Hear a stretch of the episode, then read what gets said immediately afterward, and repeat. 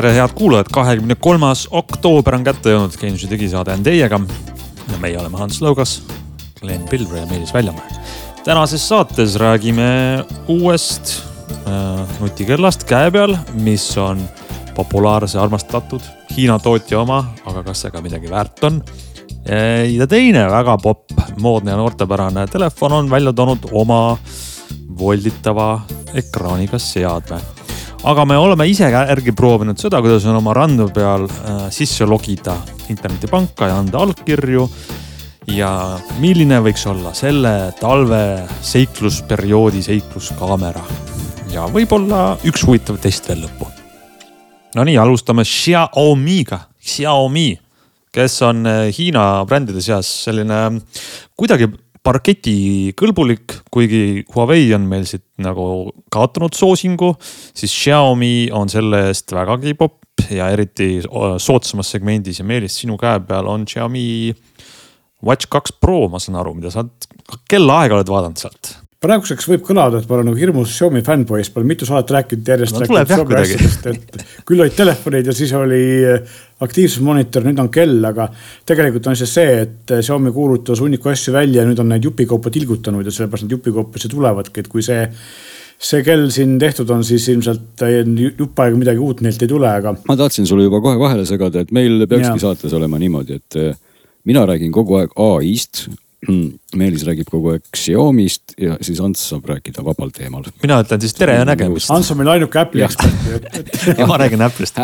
no päris head sektsioon, töösektsioon. kolm sektsiooni hakkab olema edaspidi, siis kõik teavad väga hästi, mida kuulata, ei ole segadust ja vahele teeme ka autominutid mõnikord, kui meil ei ole millestki rääkida autos sekundid. no aga räägi Xiaomi'st siis. Äh, äh, ja, aga alustame algusest, alustame sellest, et äh, Xiaomi tegi kunagi ammu-ammu aastat neli-viis tagasi ühe Google'i Wear OS-iga kella ja peale seda nagu paljud teised tootjad otsustas, et ei, et see ei ole ikka hea platvorm. kuhu tahab liiga palju infot või lihtsalt ei sobi ja hakkas tegema siis enda soft'iga kellasid umbes nii nagu Huawei teeb, eks ole. aga Huawei kellad muidugi olid, enda soft'iga kellad olid paremad ja populaarsemad, Hiinas samuti ja nüüd siis, kui Google ja Samsung koos on Wear OS-ile sellise uue elu sisse puhunud ja, ja sinna tuleb järjest rohkem kellatootjaid taha. alles hiljuti me rääkisime siin Mobvoi uuest kellast, eks ole, mis oli väga hea ja kahe ekraaniga. ja ka Xiaomi on nüüd võtnud uuesti siis Wear OS-i ette ja, ja sisuks on tal siis tegelikult äh, ikkagi nagu tipptaseme sisu ja siin on see kõige uuem Qualcomm'i Wear viis protsessor, sama, mis on siis Pixel Watch kahel ja ka äh, sellel äh, TicWatch viis Prol.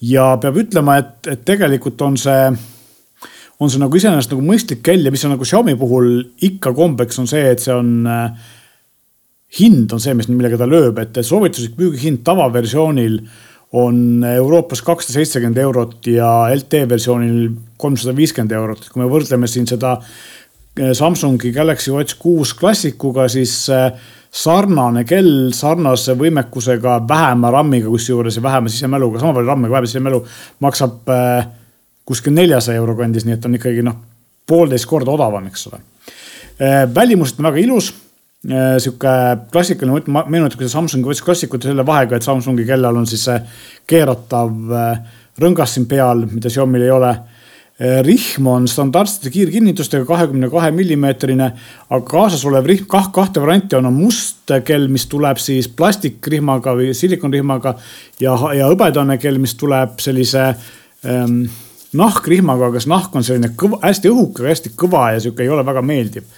aga noh, rihma saab alati vahetada, sest tal on standardkinnitused Eh, kell ise on eh, igati ilus, üks asi veel, mis on eriline, mida ühelgi teisel VR-ossi kellal siiamaani pole olnud, on see, et tal on kolm nuppu.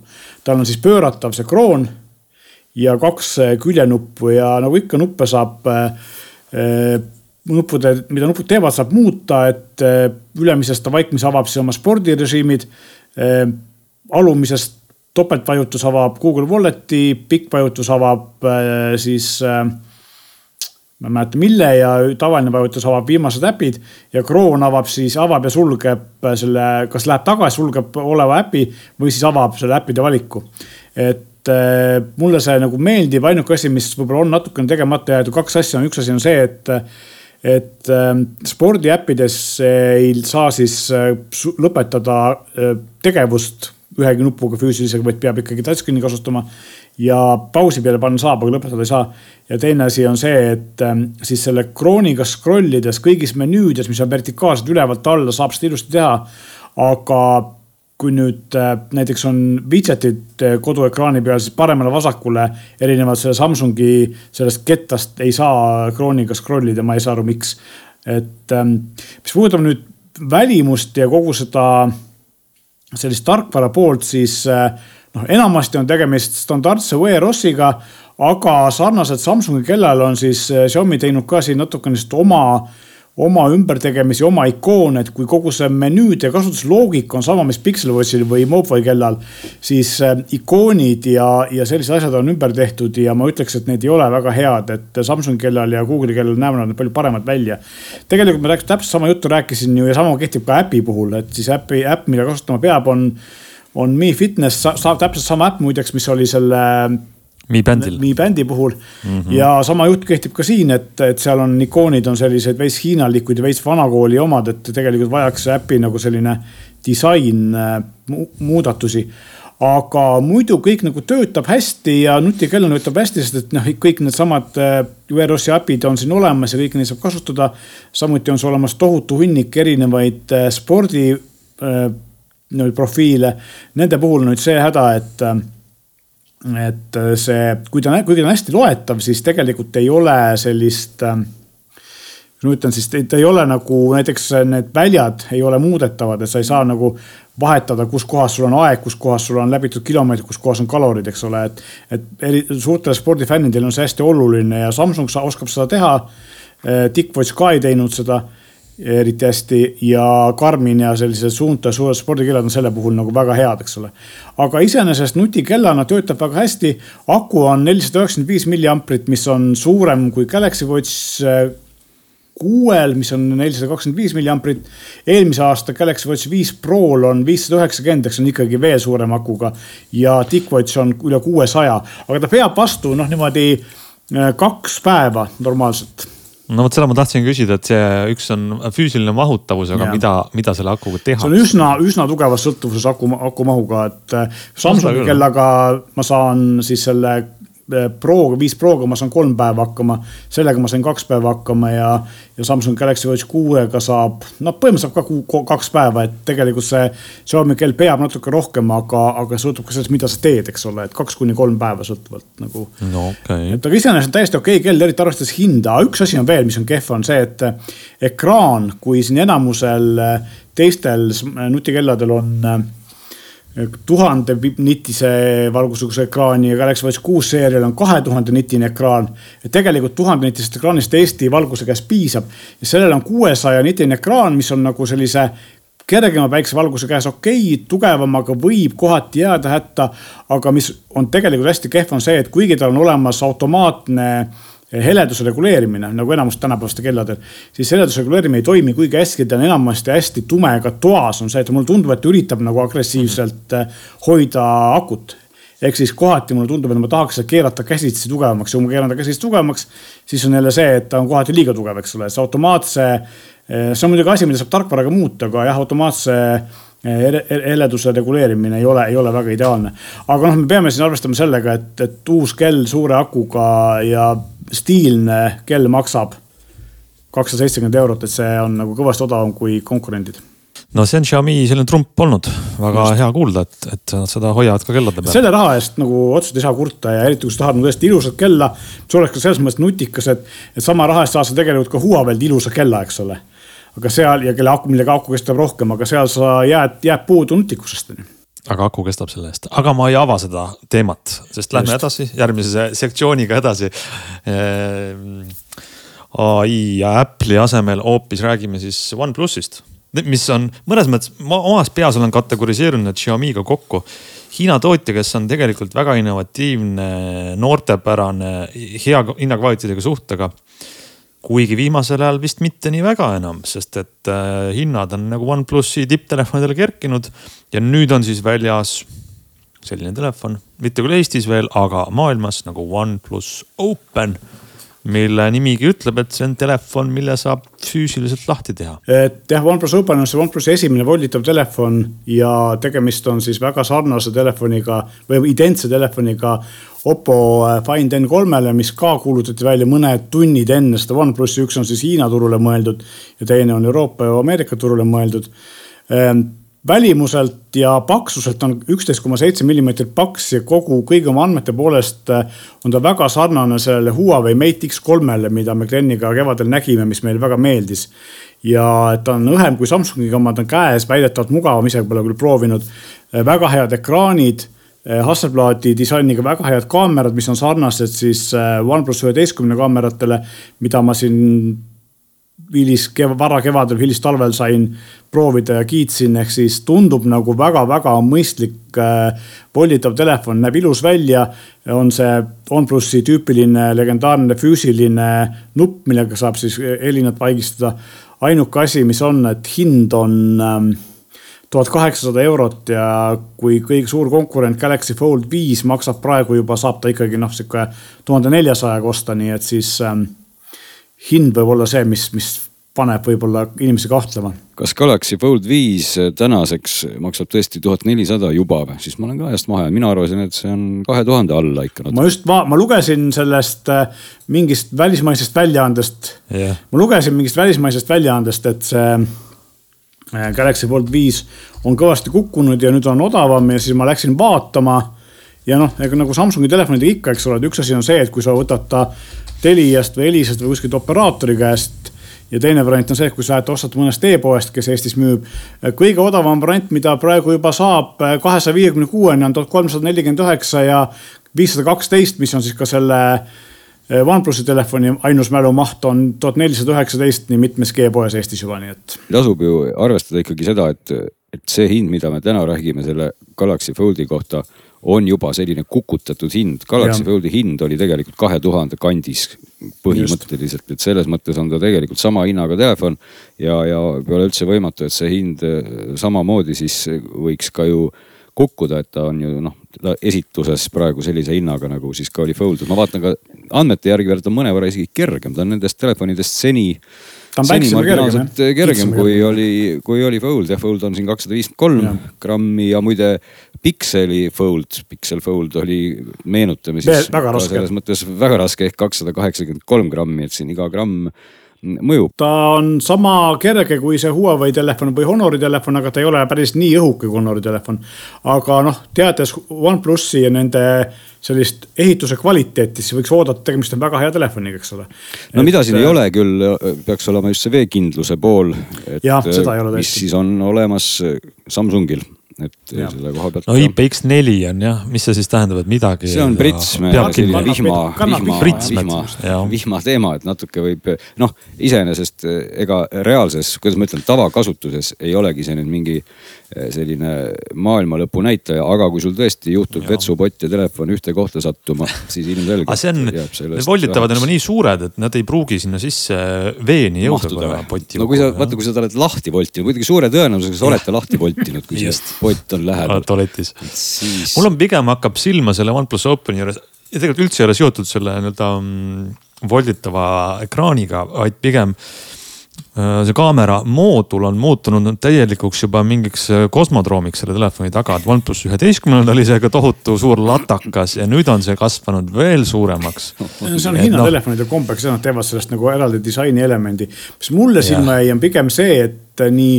ekraan on selline ümarate servade kui ka siis tagumine pool ümmarate servadega, aga korpus ise on kandiline, et nagu selline mõlemast sisemisest ekraani äärest jääb üle selline nurk, et see on nagu kummaline disainilahendus, mis võib-olla ei ole väga ilus, aga on näha, et see on taotluslik. no ta pildi peal tundub välja või, või näeb välja selline retrolik natukene või selline nagu mõnes mõttes võib-olla siis jälle tulebki selline mood ringiga tagasi, et ta läheb natuke selliseks.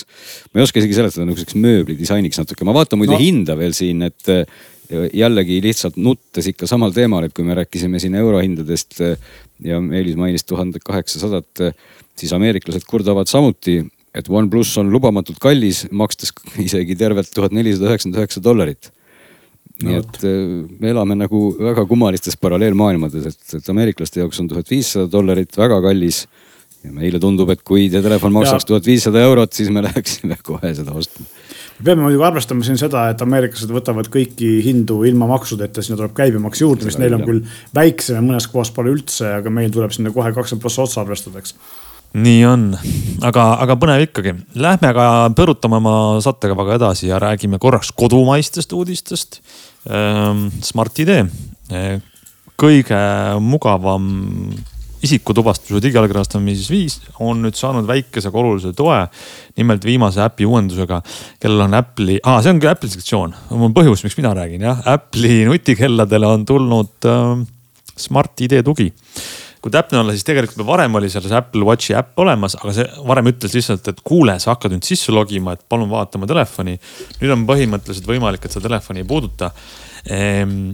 Äh, Apple'i kellale tuleb siis Smart-ID äppi see prompt või teavitus, et kuule, pane oma PIN kood.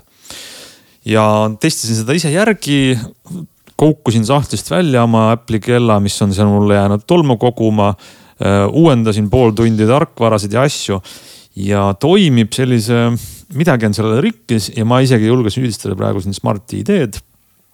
aga umbes üle ühe tulevad teavitused läbi, et see on nagu natukene veider, et hakkad sisse logima ja kui läheb õnneks, siis kella, kell väriseb ja ütleb, et palun pane PIN kood ja, ja kõik on tõesti palju mugavam kui telefoniga. ja siis pooltel juhtudel kellani need teavitused ei jõua, et see nagu ei toimi Äh, selgita mulle palun seda, et miks on see sinu nägemuses mugavam kui telefoniga? Ma olen, ma ise tabasin ennast palju kordi, kas see oli äkki mingisugustel õhtusel ajal istud äh, näiteks diivanil äh, laptop üles? ja telefon on teises, ma ei tea, toa või korteri nurgas. see on tõsi. ja siis lähen internetipanka asju ajama või kuskile. Ja kell on käe peal ja, ja, ja see on väga nagu tüüpiline kasutusjuht. see on ilmselt ka selle äpi nagu olemasolu mõte, eks ole, tegelikult. jah, ainus mõte, just, just.. sest et äh, see mugavuse värk on selline suhteline, näiteks kui me räägime maksmisega, siis mina ootasin tükk aega, kuidas, et kellale, kellega maksta saaks ja nüüd saab enamuse kelladega maksta ja. tuleb välja, et ma ikka tõmban pigem välja taskust telefoni, sellega saab mugavam kuidagi kasutada. seal terminali juures see on õige jah, muidu ma ei kiidaks seda, aga ma ise tabasin ennast nagu palju-palju kordi sellises olukorras, et miks ma seda telefoni lähen otsima. ja, et tegelikult äh, ma panen siia juurde veel ühe mobiilse teema, nimelt mm -hmm. Wear OS ehk siis Apple Watchi konkurent, äh, millest me just rääkisime siin Xiaomi võtmes ja Samsungi kellade võtmes äh,. sai endale tohutu hunniku uusi äppe ja neist kaks on äh, siis lisaks sellele, et nad said Gmaili ja Google kalendri, mis natuke jabur, et eh, Google'i enda platvormil pole olnud nende enda kalendri ja meiliäppi, kuigi näiteks Microsofti Outlook on VRS-il ammu olemas olnud. aga eh, siis lisaks Spotify'le ja muudele podcast'i ja muusikaäppidele tuli siis Audible audioraamatute äpp, mille kasutaja ma mm. ise olen ja teine asi on Pocket Casts, Podcasts. ja siis ma mõtlesin, et tegelikult see on nagu kella puhul hea, mitte ainult sellepärast, et noh, üks asi on see, et sa saad laadida oma podcast'id raamatu alla, minna jooksma või jalutama, jätta telefoni koju, kui sa ei taha, et saaks segatud ja kogu aeg sotsiaalmeedias istuks, eks ole. aga teine asi näiteks see, et need inimesed, kes tahavad et nende telefon oleks teises toas, laeks ja nad istuks öösel voodis kuskil mm -hmm. sotsiaalmeedias. nüüd nad saavad, kell ikka äratab sind, eks sa saad kellalaadija peale oma voodi kõrvale ja saad sealt oma klappidega oma raamatut ja podcast'e õhtul voodis kuulates, kui sa tahad, eks ilma, ilma, et sul oleks telefon käepärast. päris hea. just äh, lõpetame nutikellade sektsiooni hoopis sellega, et äkki jõuame kiiresti vastata ühele lugejakirjale. Äh, ma mäletan, et ähm, meil tuli üks, mis lugeja kuulajakiri, parandame, kuulajad on meil tublid, küsivad nõu, jagavad kogemusi.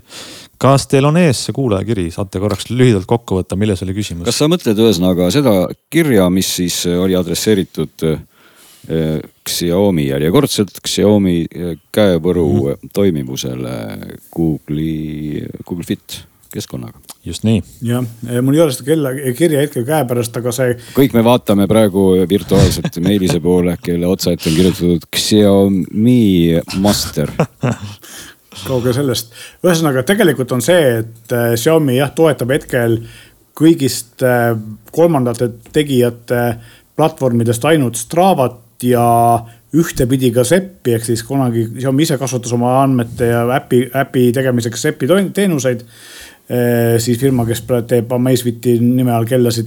aga nüüd nad tegid oma äppi Mi Fit, Xiaomi Fiti ja, ja enam nad seda ei toeta, nüüd nad lubavad siis äpi platvormi pealt enda platvormile tõmmata sisse andmeid, aga mitte anda välja.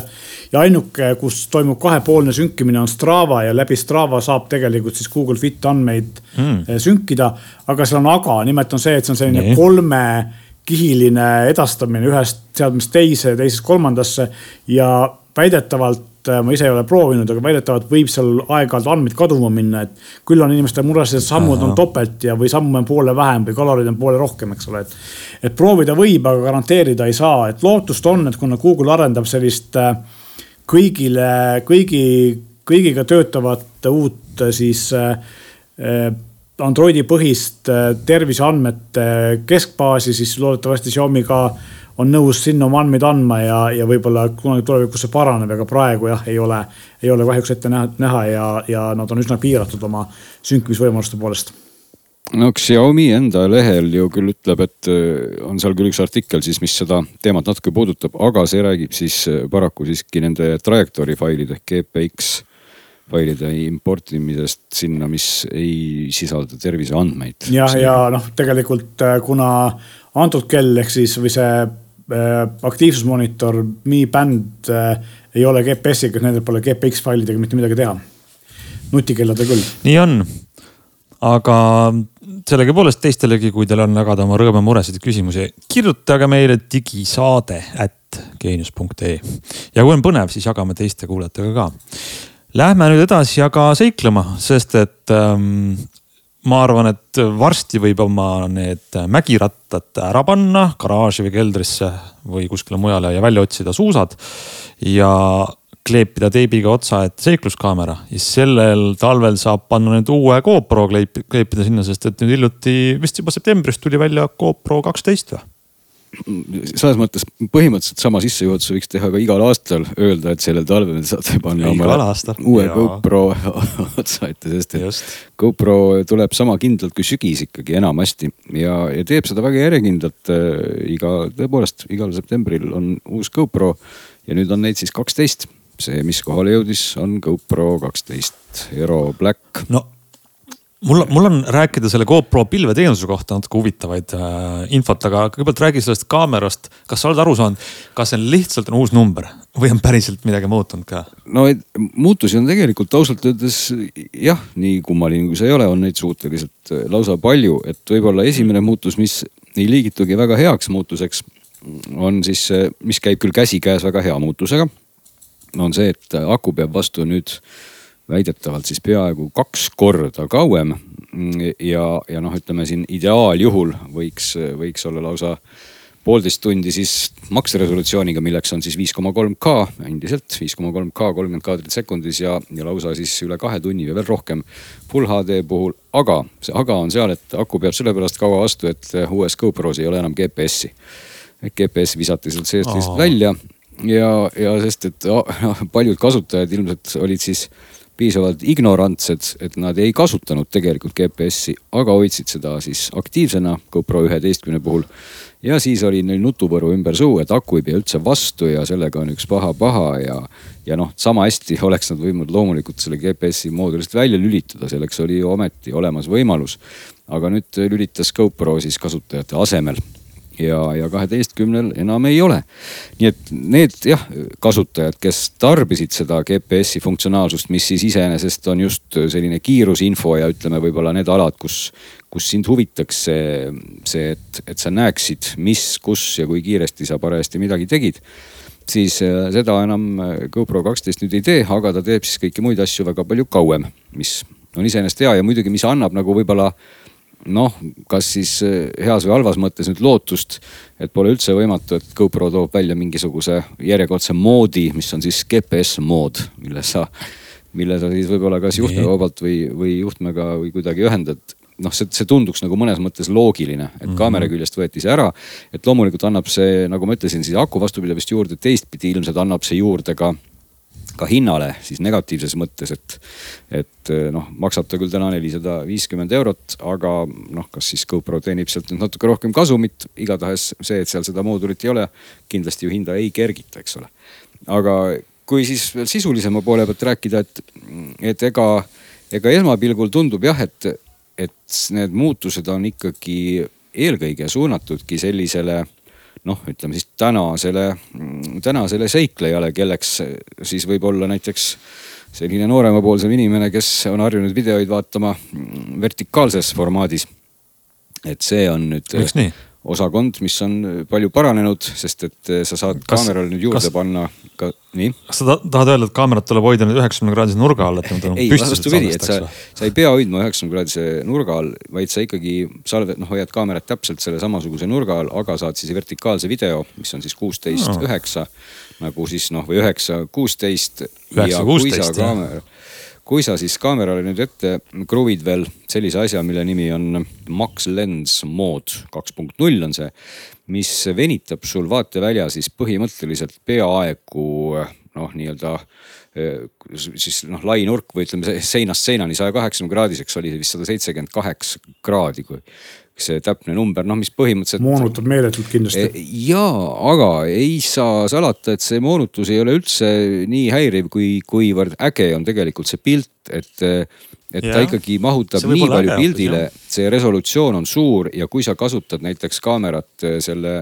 mis see on siis meil selle selfie kepi otsas või, või eneka kepi otsas, siis sa jääd ise ka siis peale, kui see kepp ei ole sul kilomeetri pikkune. et tegelikult annab see, annab see päris hea just sellistele, nagu ma juba nimetasin siin, sellistele noortele tiktokkeritele ja muudele veebihoolikutele väga hea võimaluse ennast peale jätta ka sellistes kitsamates oludes. muidugi see mood on nüüd asi, mis tuleb siis lisaks, et siin kui kaamera ise maksis nelisada viiskümmend eurot, siis äh, moodi eest tuleb väljagi sada eurot. sa saad osta ka komplekte, ma vaatan täna küll GoPro enda lehelt, et nad pakuvad seda komplekti siis viiesaja kolmekümne kaheksa euroga.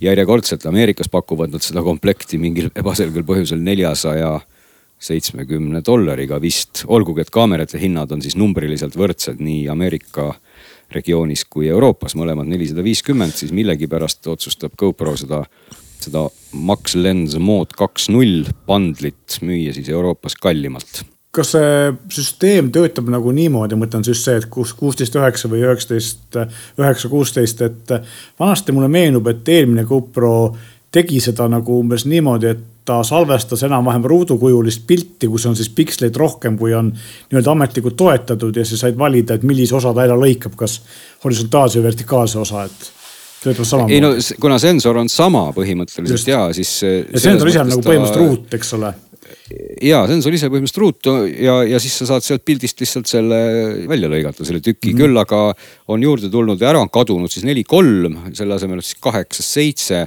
seal on ilmselt mingisugune marginaalne vahe. mis on rohkem ruut. aga neli, kolm on natukene, natukene ikka laiem, eks ole, nii et selline reso on tulnud juurde. kui ma vaatan siin nüüd veel noh, mis, mis on siis nagu nende muutuste seas, siis võib-olla noh, kes, kes nagu audio poolt hindavad ja tahtsid just kaugemalt rääkida, on nüüd võimalus siis kasutada ka Bluetooth äh, mikrofoni. et noh, no näiteks esimene näide mm. on muidugi näiteks kõrvaklapid, millel sul on siis mikrofon, Apple AirPodsid näiteks, sa ei saa loomulikult küll sellist stuudio kvaliteeti nendest sinna siis sisse kõneleda, aga noh, teistpidi. aga parem kui, kui seda sa... karbikrõbinat on ju.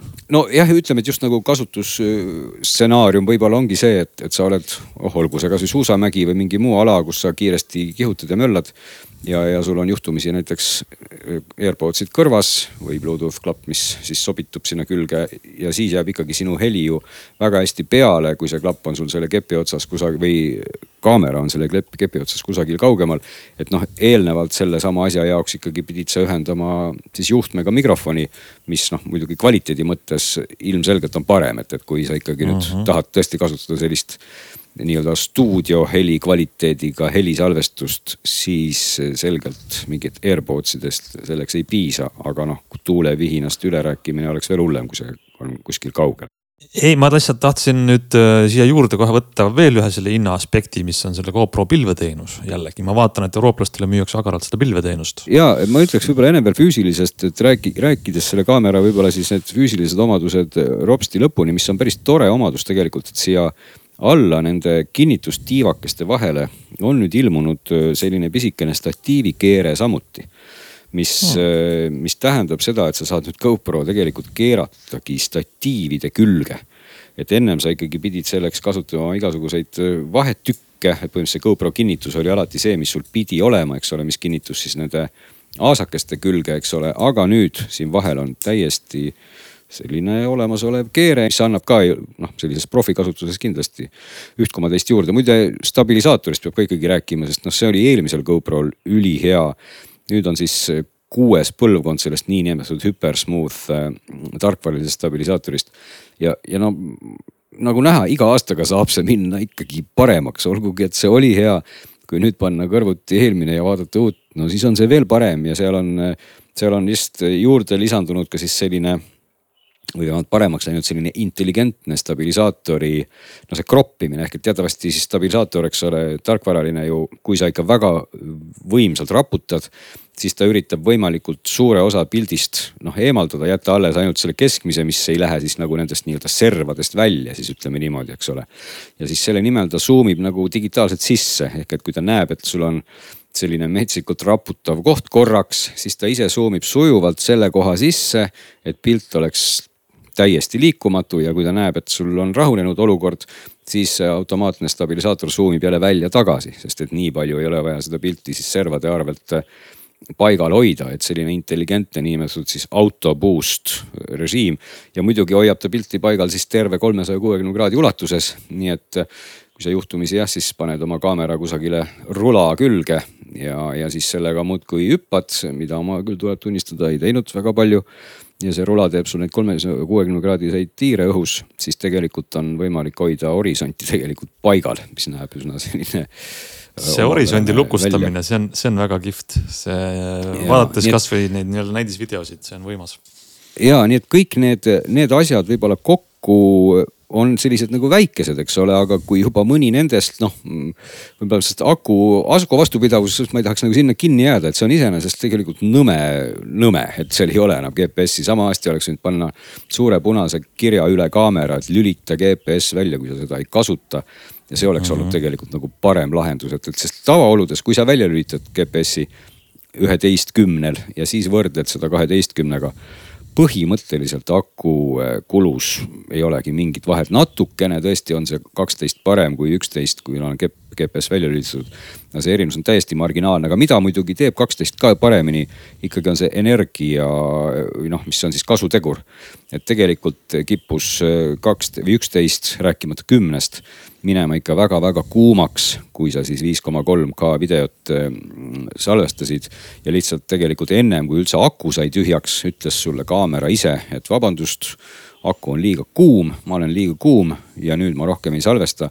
et tegelikult GoPro kaksteist on ikkagi võimeline salvestama täisresolutsiooni kaadrisageduse juures põhimõtteliselt lõpuni ehk et äh, vähemalt äh, praeguses, praegusest nende testide koha peal siin, mis seni selle kaameraga on siin tehtud, on ta võimeline selle aku ära kulutama ja ei hakka kaeblema, et aku saab liiga kuumaks, nii et kindlasti on ta oma elektrikasutuselt tunduvalt nagu kasutegur, tegumr, tegurlikum, kui sa siis kasutad sellist tippresolutsiooni, aga üldiselt tundub jah, et, et sellises tavakasutuses aku aegades võit on tulnud just selle GPS-i nagu äravõtmise arvelt, aga ühesõnaga need väiksed asjad siis kokku, mida võib-olla ei olegi siis nii vähe, tähendavad seda jah, et, et kas sa peaksid seda tormama ostma, kui sa ostsid eelmise GoPro on lihtsalt väga raske soovitada, igaüks võib siit ise arvata, aga, aga noh, kui sul on mingisugune kümme või veel vanem GoPro, siis miks mitte nüüd võtta jälle uus, kui see GPS-i puudumine nüüd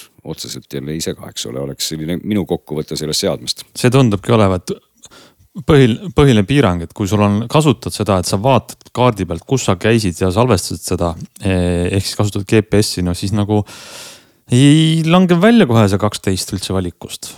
aga no, muus osas. see on, on tõsi jah, see on tõsi, aga muus osas on ta kindlasti nüüd paremaks ja ja mida üks kuulaja mulle tuli meile rääkima, et juba eelmine talv ju rääkisime eelmisest GoProst vist ja. ja nüüd on sellest põhjust uuesti üle rääkida, sest see GoPro mm, pilveteenus on selline, mida päris agressiivselt müüakse. kui sa ostad uue kaamera koos selle pilveteenusega, saad sa juba seal korraliku allahindluse, kui ma nüüd ei eksi, siis peaks olema niimoodi, et näiteks äh, GoPro aastane pilveteenuse pakkumine on nüüd kakskümmend viis eurot lausa Eestis on ju, et see on päris, päris soodne ja minu arust kaamera ise on ka odavam saja, saja euro või dollari võrra, sada dollarit soodsam jah, dollarid ja eurod segamini. aga kui ma eelmine talv nagu kahtlesin, kas sellel on mõtet ja mis ma sinna pilve neid asju laon, siis mm, nüüd ma vaatan ja mida meie kuulajaga tähelepanu juhtisid, sellel pilveteenusel on üks kaval äh, pluss.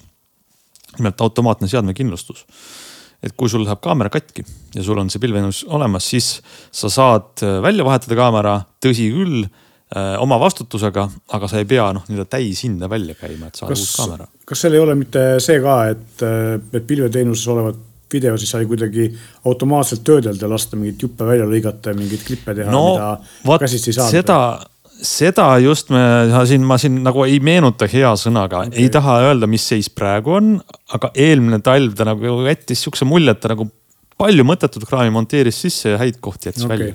no siin, siin muidugi võiks ikkagi öelda, et võib-olla lihtsalt noh, omavahel öeldes, et Hansu materjal oli niivõrd igav et sealt ei olnudki võtta ühtegi huvitavat kohta, see võib ka nii olla no oleks seda ainult äh, iga materjal sees, aga kui ma ise siis võtsin vaevaks, panin kokku kohad, mis okay. olid huvitavad, no siis, siis nagu, nagu no, ei, ma ei ütle, ma ei, saltosid ei teinud, aga no lihtsalt seal algoritmis on midagi nagu puudu, et tegelikult kus kaadris midagi toimub, siis neid kohti nagu ei ole. siis, kui see tarkvara ikkagi ise ka mõned saltod juba sinna sisse paigaldaks vot siis hakkaks sellel asjal olema nagu jumet, sest et enamus ikkagi meist, me ei tegelikult ei tee ju saltosid, aga me tahaks vaadata selliseid klippe, kus saltosid tehakse.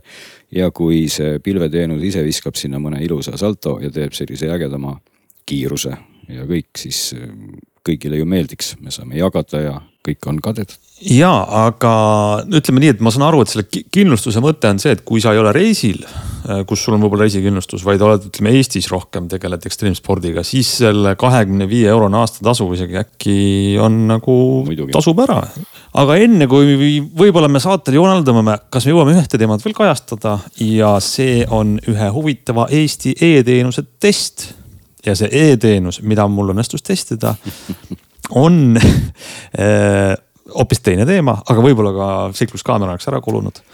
ühesõnaga liikluskindlustuse fond Eestis mm, mõni aeg tagasi teatas, et nad on valmis saanud sellise e-teenusega, et kui teil juhtub auto avarii ja üks inimene pole viga saanud ja juhid on kokkuleppel, siis on võimalik e-teenusena avarii ära vormistada. ma ei tea, Glen, kas sina oled seda testinud? Ma ei ole seda testinud ja, ja tõepoolest see on võib-olla üks neist testidest, mida ma kohe ei tormaks tegema, aga ma saan aru, et, et sina oled personaalselt ikkagi pannud enda, kuidas ma ütlen siis, enda kehaosad tulle. no see on tõesti selline lugu, kus tegelikult ju ei tahaks, et kellelgi kunagi vaja oleks seda teenust kasutada. aga nüüd oktoobri lõpp on käes, inimesi üllatab juba, ma ei tea, esimesed lumehelbekesed tegelikult ähm, siis minu auto tagaotsa rammis üks valge kaubik ja ma arvan, et see oli pigem tähelepanematus kui ilm.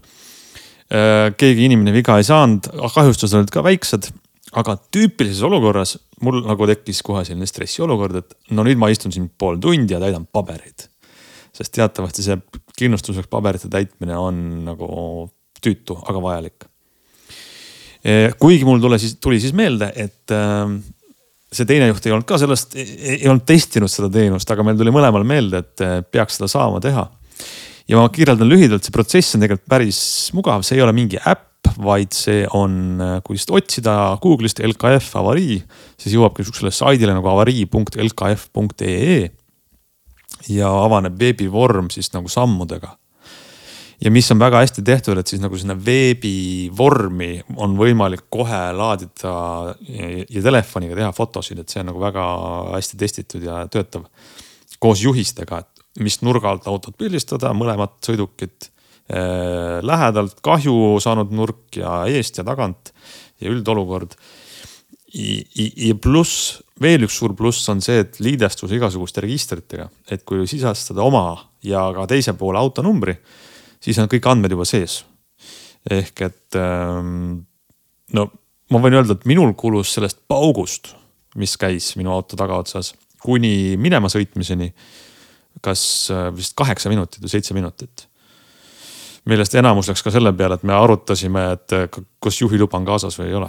kas see nüüd tähendab seda ikkagi, et mõlemad peaksid siiski ennast mingisuguse Smart mobiil-ID-ga loomulikult tuvastama ja siis andma ikkagi enda allkirjad sinna ja üks tunnistab ennast siis kõrvad lontis nagu rohkem süüdi kui teine sellega oli niimoodi, et no peab ähm, üks osapooltest ähm, võtma siis nii-öelda vastutuse jah, et seda saab ainult siis kasutada, kui äh, nii-öelda ähm, on, on konsensus kahe no, poole vahel. on konsensus, ühesõnaga tegelikult see on see, see on see koht, kus politseid ei oleks vaja tülitada, vaid juhid saavad omavahel hakkama.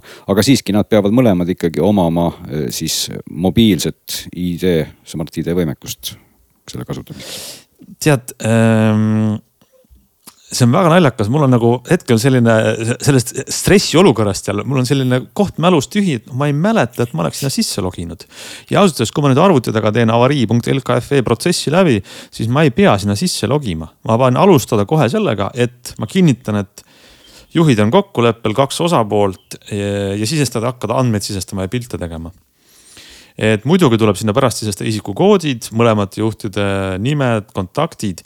Ja kui mina, kes ma näiteks oma telefonis seda teinud, vajutan, et ma olen lõpuks selle ankeedi ära täitnud, kõik pildid sise, sisestanud siis saab minu kõrval olev siis see teine juht oma telefoni kohe SMS-i ja teate, kus ta saab selle nagu veebiprotsessiga oma telefonis jätkata ja lõpule viia ja kinnitada, jah, mina kinnitan omalt poolt, et nii toimus ja minu andmed on õiged ja minu no ma ei tea, kumb on siis süüdi, on ju vastavalt kokkuleppele. Mhm, no ütleme sellele paberdokumendile ikkagi tuli kirjutada kindlasti allkiri, et miks ma sellesse allkirja kohta kuidagi kinni just. jäin, sest ma mäletan, et sa pidid ikkagi eriti just noh, või tegelikult ikkagi mõlemad. Ehk et see pool, kes ikkagi tunnistas ennast olevat süüdi pidi siis tegema seda ju ikkagi allkirjaga, et, et on süüdi. ma ise vaatan ka seda lehte praegu samal ajal siin teoreetilist testi teen ja tõepoolest ei, ta nüüd alguses vähemalt ei sunni küll mind tõesti midagi siin allkirjastama ega kusagile sisse minema, ma saan siin rahulikult juba pilte laadida ja kõiki asju teha. just, mis tegelikult võib-olla kiirendabki veelgi seda olukorda, et kui mõlemad on äh, nii-öelda ühel meelel, aga sul on aegunud mobiil-ID või Smart-ID pole aktiveeritud, siis selle taha see ei jää. kuigi ma nüüd jään jah veidrasse olukorda, sest et äh, selles avarii vormistamise olukorras ma tõesti ei meenunud, et ma oleks sinna Smart-ID-ga sisse loginud või siis teine pool. nii et ähm.... no, no ilmselgelt allkirja pidi tegelikult andma kui sul oli olukord, kus sa testisid ikkagi siis nagu passiivsena seda, siis allkirja pidi andma see aktiivsem pool, kes otsustas sind rammida, sest et ilmselgelt tema peaks ütlema, et tema on vastutav nende kahjude eest.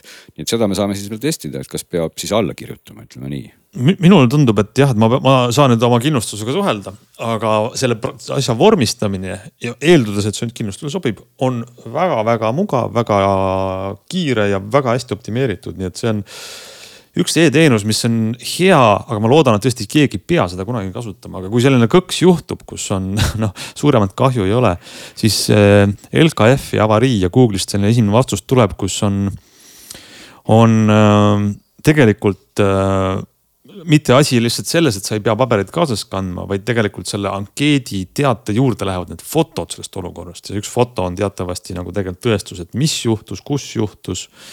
ja ka asukoha määramine GPS-i pealt kaardis, et ma ei pea hakkama otsima lähedal oleva maja aadressi või midagi sellist, et tegelikult noh, minu telefon on ju suurepärane vahend juhtunu salvestamiseks alates asukohast kuni fotodeni, et seda on väga hästi ära tehtud ja loomulikult muidugi siin äh, ikkagi võib ka meelde tuletada, et endiselt on meil äh, kaubandusvõrgus saadaval erinevad kaamerad, mida autosse paigaldada ja mis Just. siis salvestavad, mis juhtus.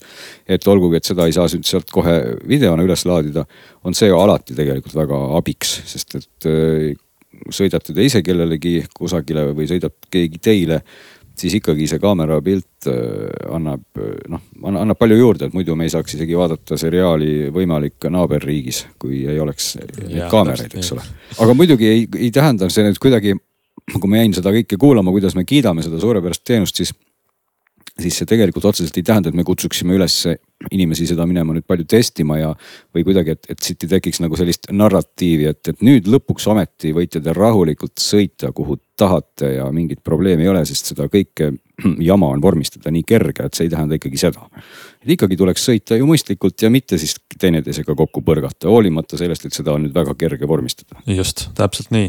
aga, aga kui, kui juhtub, siis tore teada, et ka selline asi on paberi pealt kolinud e-teenuseks. igatahes, et see on siis avarii.lkf.ee on see koht, kui seda kohe otse sinna hüpata rauhti yes. sisse, aga loomulikult leiab selle ilmselt ka siis otsinguga üles ja see näeb tõesti sile ja ilus välja, nii et tunnustame siinkohal siis praegu tegijaid nii on, aga tunnustame ka kõiki, kes on meie saadet kuulanud viimased nelikümmend viis või midagi sellist minutit. tunnustame neid, kes on selles saates rääkinud ja tunnustame kõige rohkem neid, kes nädala aja pärast tagasi tuunivad meie lainele. tänaseks ütleme nägemist